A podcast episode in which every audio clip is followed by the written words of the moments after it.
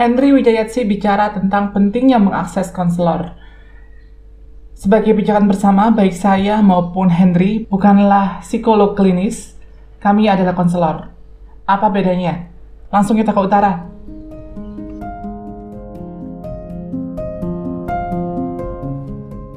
Tahukah Anda bahwa agama, filosofi, dan cara pandang timur sangat percaya bahwa semua manusia punya indera keenam?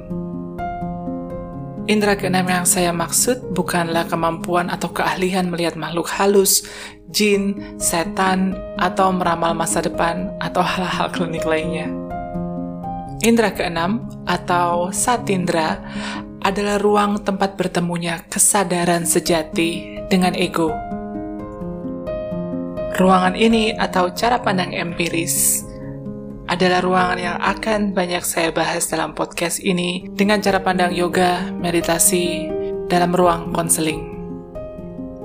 Saya Ajeng Herlianti, pemandu Anda menuju ke utara.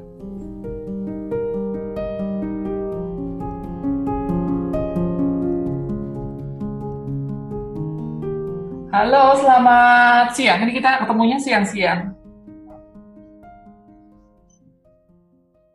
Halo, selamat siang. Selamat siang Mbak Hendri. Mbak Hendri, teman saya di Kirana Kirani, dan kita pernah menjadi fasilitator di pelatihan yang sama dan mendampingi teman-teman di retreat. Apalagi yang saya harus kenalkan, ya, ya. Mbak Hendri adalah juga konselor, pendeta, ya. dan juga dosen di UKDW, Universitas Kristen Duta Wacana Yogyakarta. Ada yang kurang nggak ini perkenalan saya? Di Fakultas Teologi gitu ya. Tempat sekolahnya para calon-calon pendeta. di UKDW. Sekolahnya eh, calon-calon pendeta. Sebentar, saya mau nanya. Untuk tadi Mbak Mbak Hendri bilang kayak gitu. Apakah pendeta harus punya basic ini atau ini terpisah? Pendeta-pendeta aja, konselor-konselor aja?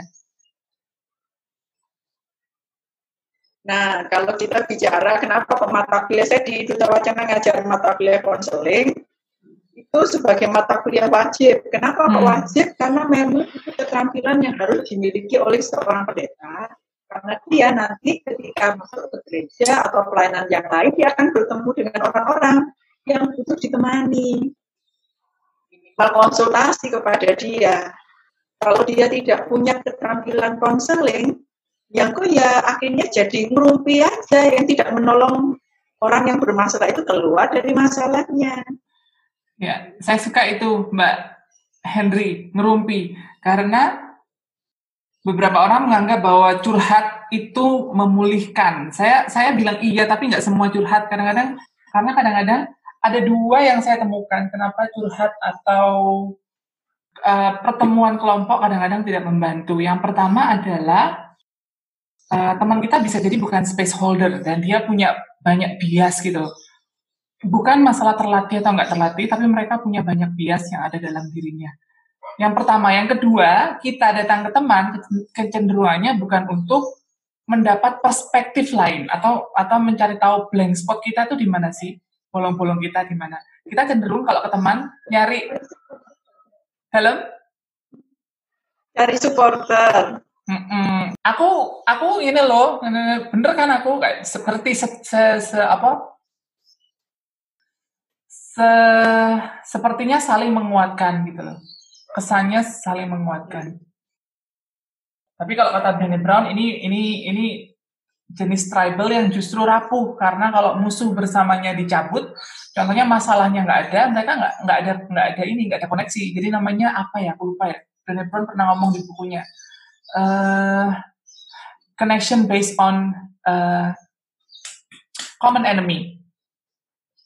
Hmm. Oh ya ya ya bisa. Hmm. Dan, dan connection based on common enemy atau koneksi karena punya musuh yang sama itu bukan koneksi karena kalau musuhnya udah dicabut udah nggak ada koneksi mereka atau kalau musuhnya pergi mereka bisa jadinya satu sama lain yang musuh-musuhan jadi makan diri sendiri nah itu juga uh, kalau aku jadi ingat ini film Tile itu juga kayak gitu. Jadi bisa jadi teman yang kita curhati dia punya state of butejo. Jadi dia ada di tahap butejo. Nanti Bu, Bu Hendri lihat deh, Mbak Hendri lihat deh film itu.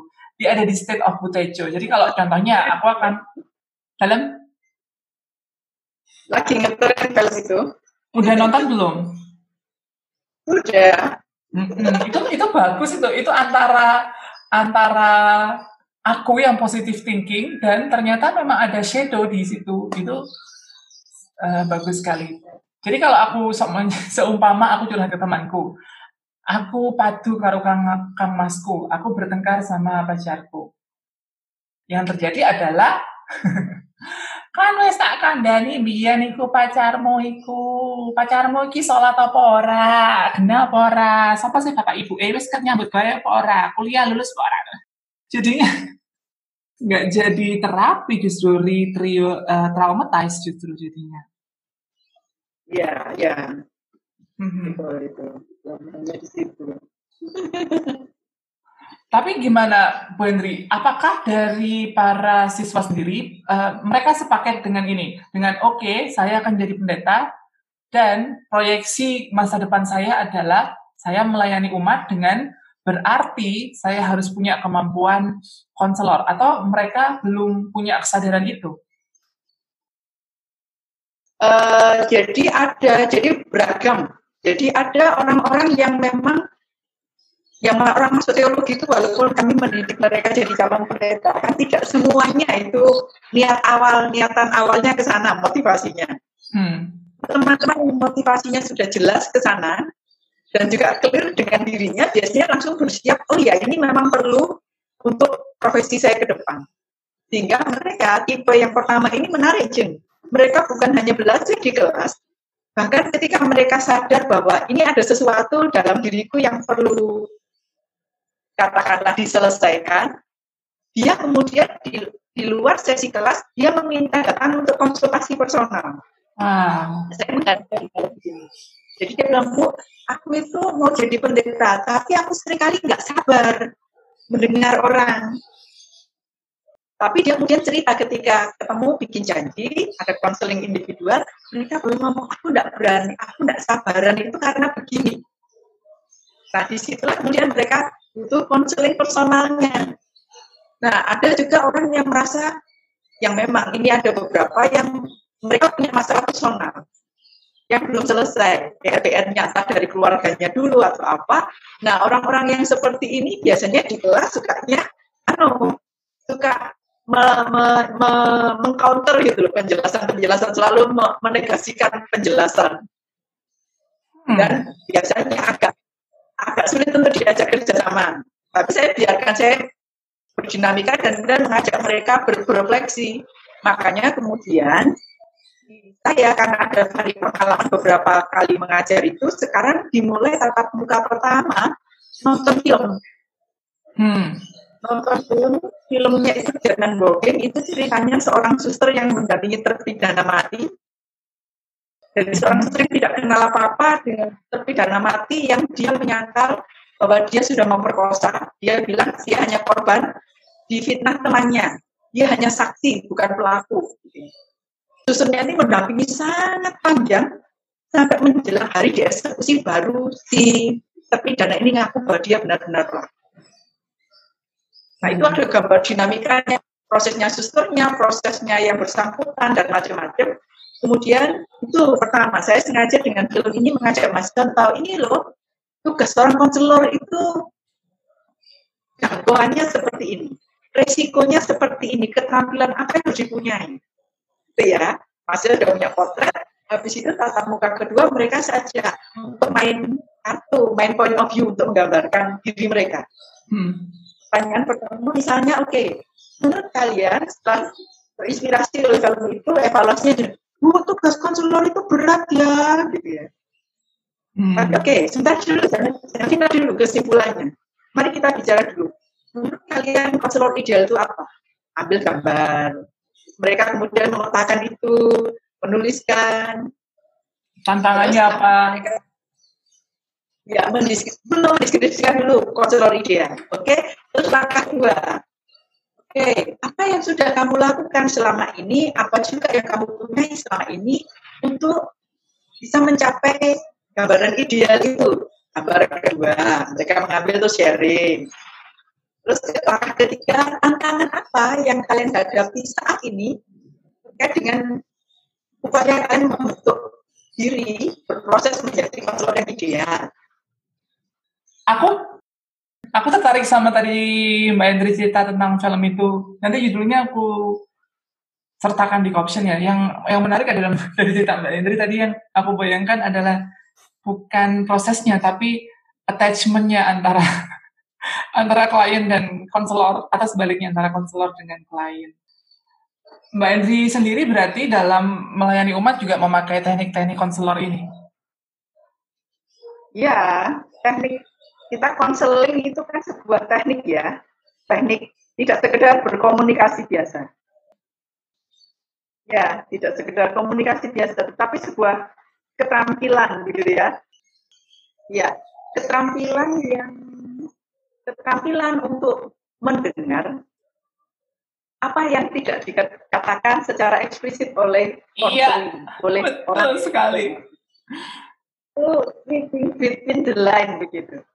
Bahkan kadang-kadang konselingnya pun tidak tidak sadar apa yang dikatakan itu. Justru karena kita pihak luar, kemudian bisa mengambil jarak dan melihat begitu. Eh coba kamu ngomong ini kok tadi sekarang ngomong begini, ini yang mana sebenarnya perasaanmu? Saya tidak apa-apa, tapi kok kemudian dari ceritamu begini dan begitu, kok tonnya, nah dasarnya kok ada tes tidak terima. Nah, di situlah peran seorang konselor itu diperlukan. Betul sekali. Untuk jadi konselor itu kan ada proses belajarnya. Belajar secara kognitif, pengetahuan-pengetahuan bagaimana uh, menggali, bagaimana menganalisa, bagaimana merencanakan percakapan.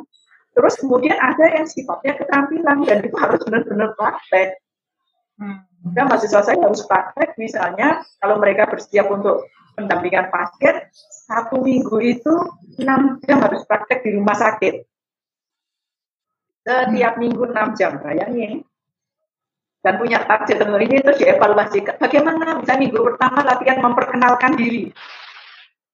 Kan ketemu dengan orang asing. Konseling itu kan kalau dengan orang yang baru kita kenal kan kita harus sebagai konselor bisa memperkenalkan diri kita yang itu membuat konseli bisa percaya kepada kita. Tidak sekedar oh ya halo saya Henry gitu. Saya Henry yeah. dosen gitu. Apa? gitu loh. Apa pentingnya untuk konseling untuk orang yang konsultasi. Hmm, latihan iya. seperti itu. betul betul betul. Kita harus memperkenalkan diri sekaligus membangun kepercayaan. ya, trust building itu penting kan untuk konseling hmm, hmm. dan trust building itu karena ini prosesnya melibatkan konselor dan konseli ya memang harus dilakukan oleh kedua belah pihak. Tidak bisa konselornya mempersiapkan diri untuk terbuka, tapi konselingnya tidak siap. Misalnya dengan cara jawab sepat sepotong-sepotong. Atau bikin janji, konselingnya mesti setengah hati. Setengah hati begini, aku butuh konseling, aku butuh konsultasi, tapi gimana ya? Gimana itu macam-macam. Entah dia tidak siap, entah dia tidak ingin, entah dia belum pernah punya pengalaman konseling. Jadi ada banyak pertanyaan. Mm-hmm. Nah, kalau kayak begitu, jadi dia harus mau di ruang konseling itu mau terbuka. Ya memang ya kayak orang yang seperti kita juga siap berangkat ke, ke dokter ya. Ke dokter Betul. kalau bilang dokter saya duduk gitu.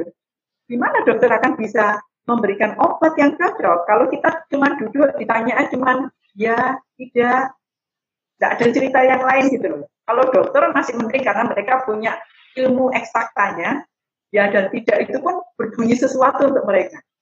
Dengan kalau konseling kan kita tidak punya ilmu eksaktanya. Lah ya, ya dan tidak, terus kesimpulannya apa? Gitu kan. Nah, justru di sinilah diperlukan keterbukaan. Orang yang mau memutuskan untuk mau datang konseling itu. Ya, Ini kan masalahnya tidak sebentar itu di masyarakat kita ada banyak stigma sehingga yang membuat orang jadi mikir berkali berkali-kali lipat sebelum kemudian memutuskan untuk mau konseling.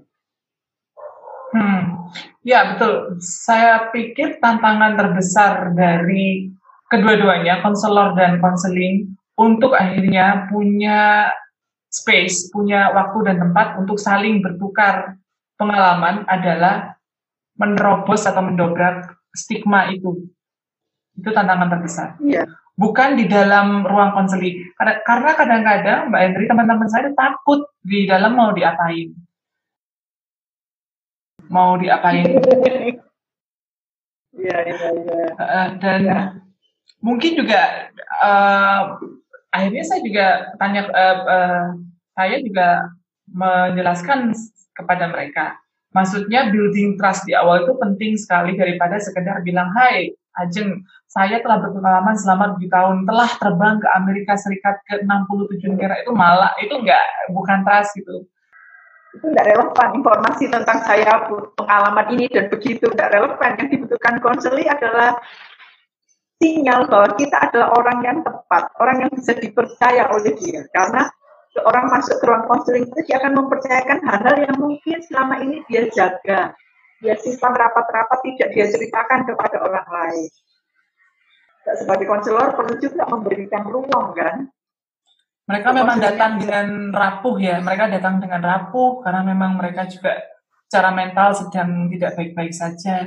Jadi untuk tahu bahwa orang ini, apakah orang ini bisa menerima ceritaku, itu mereka butuh trust. Jadi, uh, ya saya punya kasus punya kasus konseling. Cerita, cerita, ya, Sebenarnya, saya tidak tahu kalau dia itu butuh konseling awalnya karena dia adalah sama-sama teman yang waktu itu sedang sedang ikut kursus begitu ya. Tapi sering kali kalau di antara ini kursus yang agak berantai ada beberapa minggu.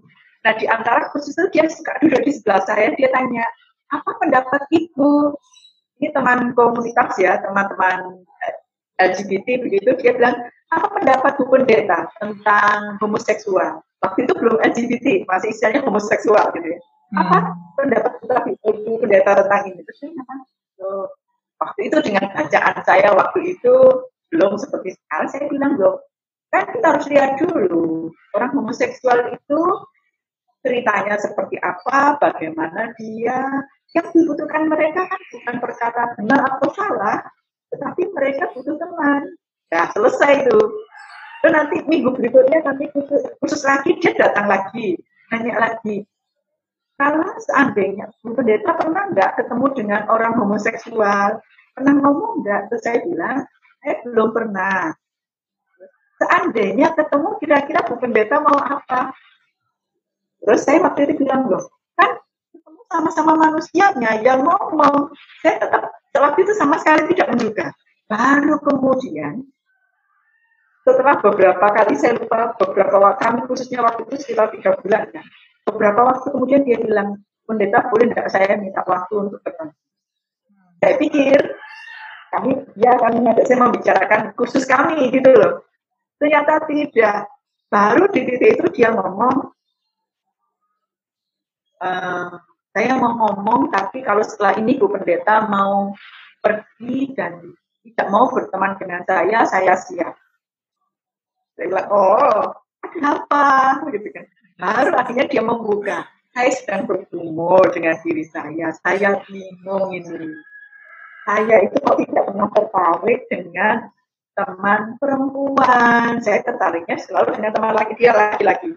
Hmm. Tertarik dengan laki-laki. Saya merasa diri saya itu tidak benar. Yang seperti akhirnya pembicaraan bergulir. Jadi ya untuk kasus-kasus yang khusus seperti ini konseling butuh sinyal yang panjang, punya caranya sendiri untuk ngetes saya apakah saya konselor yang bisa dia percayai.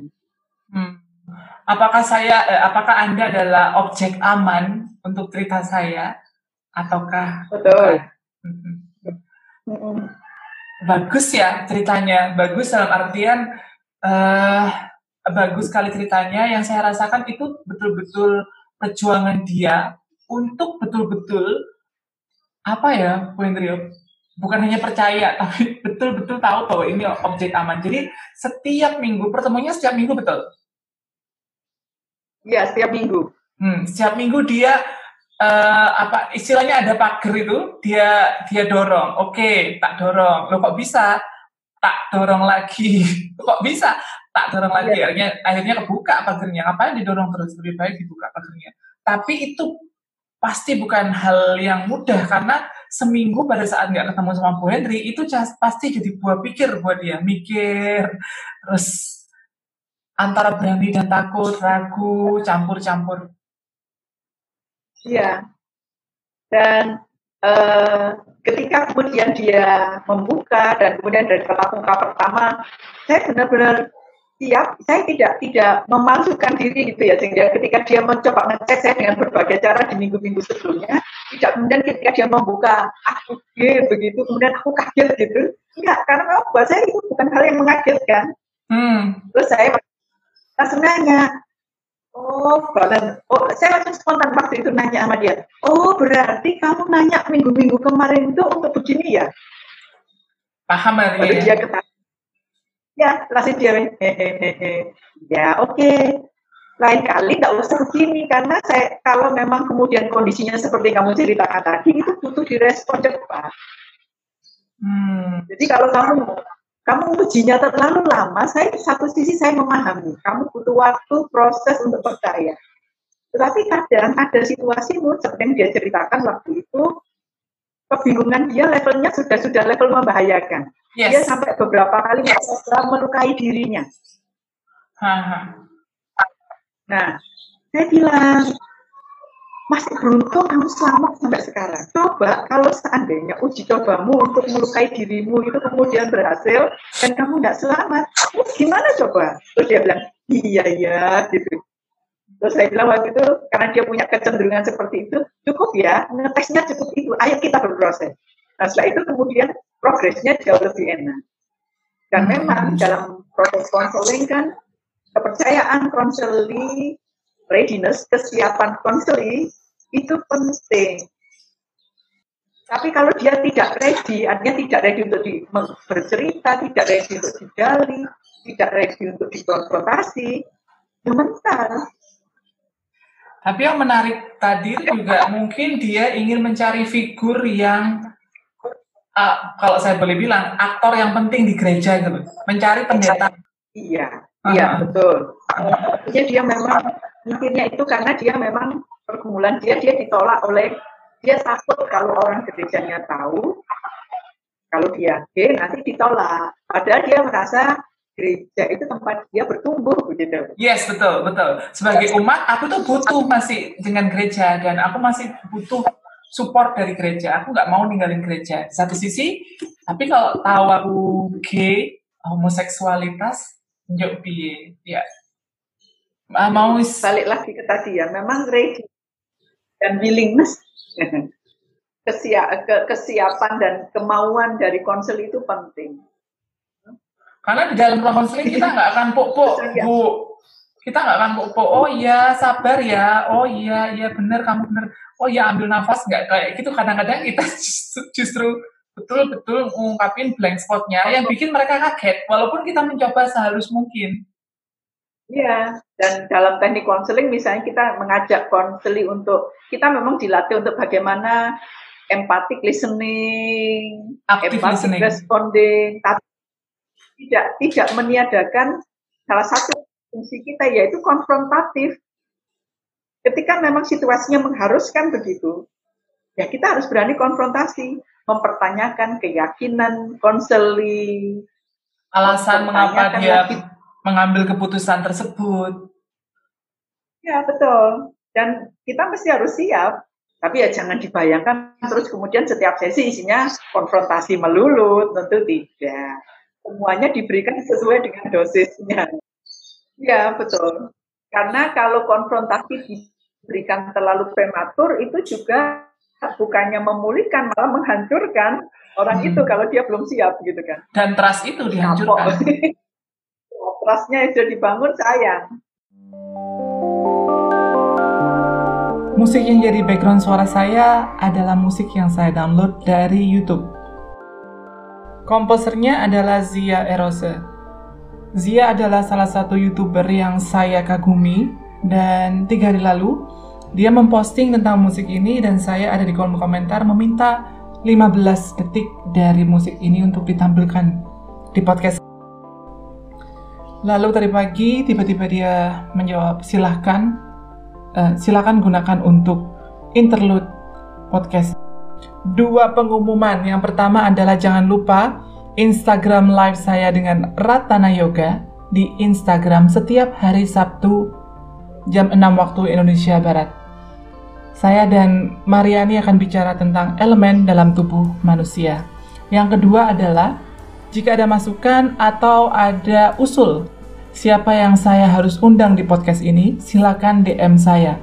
Atau jika mungkin ada pertanyaan apa pun, langsung ke DM saya. Terima kasih, kita ke Henry lagi. Kapan waktu yang tepat untuk mengakses konselor dan apakah ini akan menjadi layanan seumur hidup gitu? Apakah saya harus ke konselor seumur hidup saya? Oke, kalau kapan sebaiknya memang tidak menunggu masalahnya begitu besar sampai kita terkapar tidak berdaya. Jadi kita memang ketika mulai menyadari bahwa oh ini saya sedang tidak seimbang, saya tidak jernih melihat realitas kehidupan saya, saya butuh teman untuk berbagi. Sehingga kemudian eh, kita sebagai konseling, yang konselingnya dalam kondisi masih relatif enak, sehat secara walaupun ada ketidakseimbangan, tetapi masih memungkinkan untuk diajak uh, going deeper, gitu ya, menggali masalahnya lebih dalam. Kalau dia sudah burn out, sudah terkapar, kalau ditanyai pertanyaan yang klarifikasi dasar, begitu sudah terkapar dia.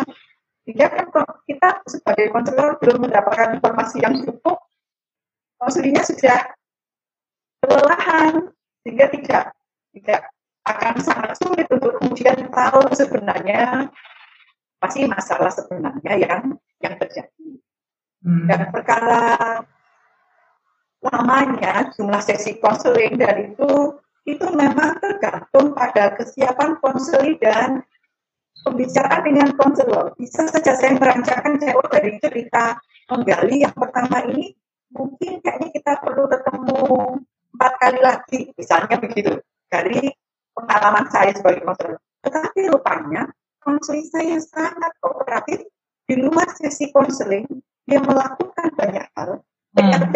dia lakukan tugasan dia lakukan progres dia jauh lebih cepat daripada yang saya duga pertama yep.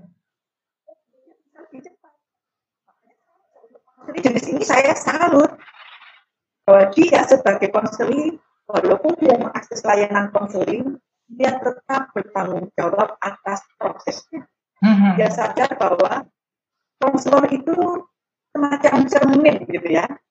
Yang harus menyelesaikan masalah ini saya. Iya, iya. Tipe-tipe orang yang seperti ini itu keren sekali. Bukan tipe orang yang bergantung begitu tentang ke konselor terus minta kayak resep gitu loh, Jen. Iya, iya, iya. harus apa?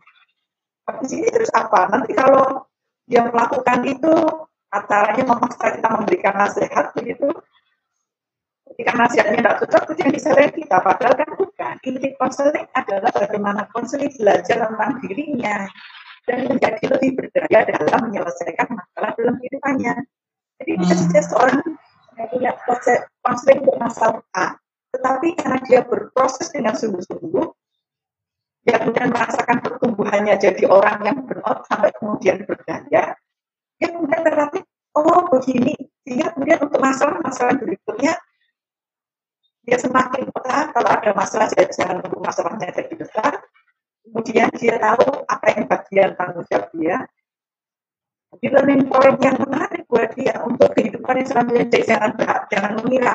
Sekali saya butuh konselor nanti seumur hidup butuh konselor prosesnya panjang. Enggak sama seperti kita ke dokter.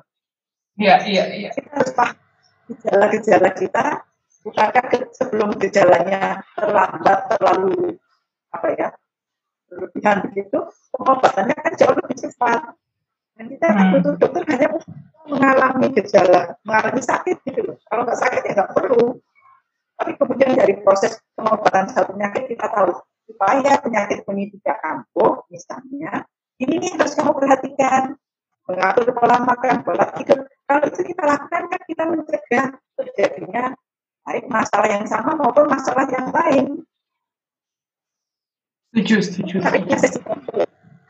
Jadi bukan hanya me- mengkonsulkan masalah kita saat itu, tapi kita juga belajar. Kalau kita mengikuti prosesnya secara utuh, kita belajar mengatasi masalah.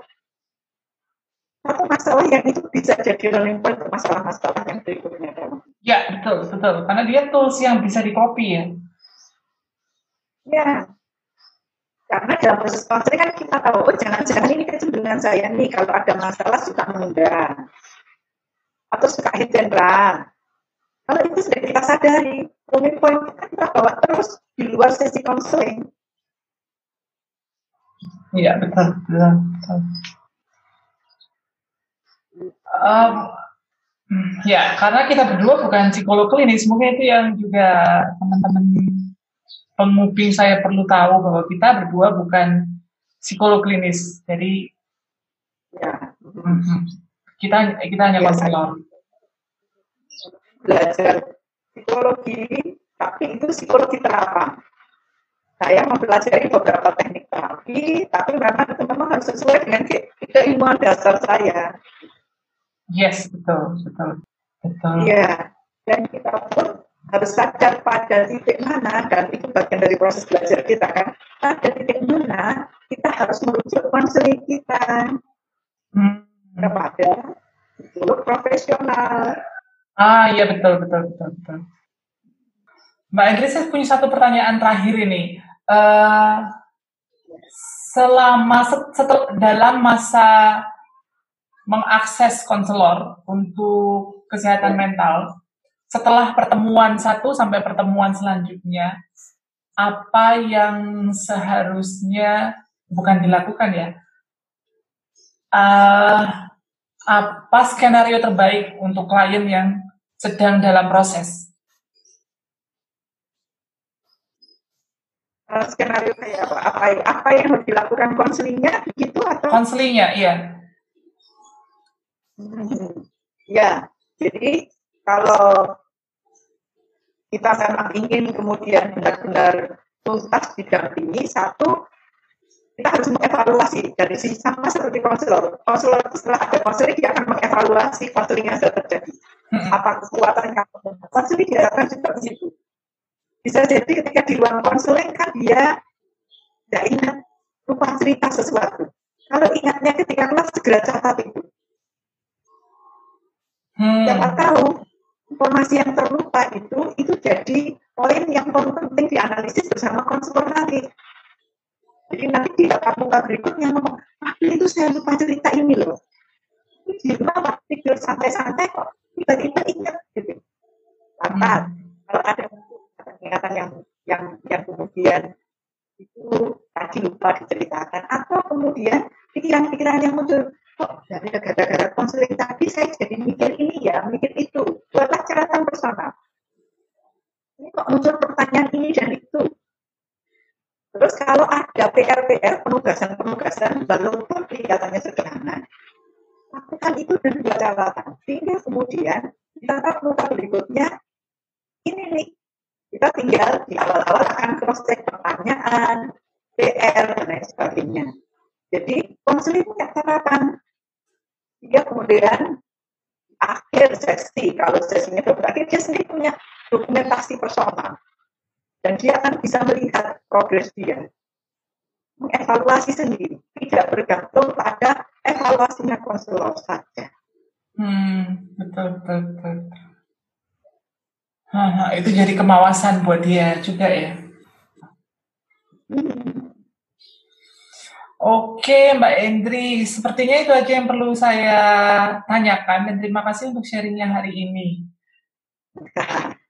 Terima kasih untuk juga berbagi bertanya hal-hal yang menarik begitu. Karena kita tahu ya PR kita di Indonesia itu sering kali walaupun pemerintah sudah mengakui pentingnya layanan kesehatan mental. Kalau di Jogja di puskesmas itu ada banyak. Iya betul. Semua semua puskesmas kalau di Jogja. Ya, semua puskesmas, tetapi tidak banyak orang yang tahu. Hmm. Mau mengakses itu karena memang merasa ya ini masih bisa ditunda begitu loh. Tidak semengerikan orang patah tangan atau apa karena kecelakaan yang harus segera pertolongan gitu. iya iya. Iya atau ya kalau semakin menunda apa yang tidak kelihatan itu efeknya juga serius loh sama dengan yang luka sekarang. Ya sekarang ke depan memang terutama terkait dengan pandemi ini ya sih betul. Terkait dengan pandemi ini kan saya sedang mencari cara sedang memperlengkapi diri dengan beberapa keterampilan-keterampilan lain yang menunjang bagaimana saya sebagai konselor bisa melakukan konseling secara online. Hmm. Ya, iya, iya, itu, itu nah, penting itu. Itu perlu keterampilan baru selain keterampilan konseling dasar yang sudah saya biasa saya kembangkan selama ini gitu. Jadi Plus, saya masih skill baru dan pulsa, Mbak. Oh, betul. Ya, itu betul. ya, jadi itu menantang dan menarik untuk bisa dikembangkan karena memang ya zamannya sudah begitu. Mm-hmm. Untuk kita untuk tetap melakukan pertolongan terima kasih sudah mengundang saya. Terima kasih, semoga sehat selalu Mbak Henry. Selamat siang.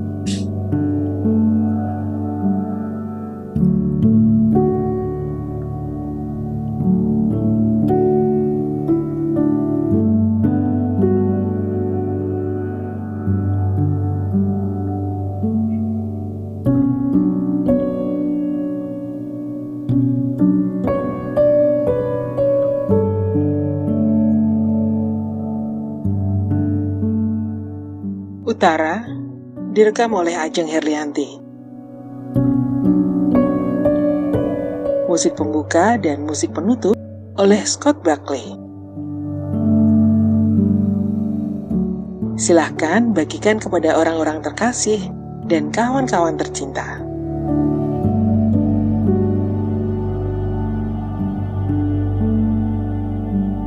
Saya Dina Widikirana untuk Ajeng Herlianti Production.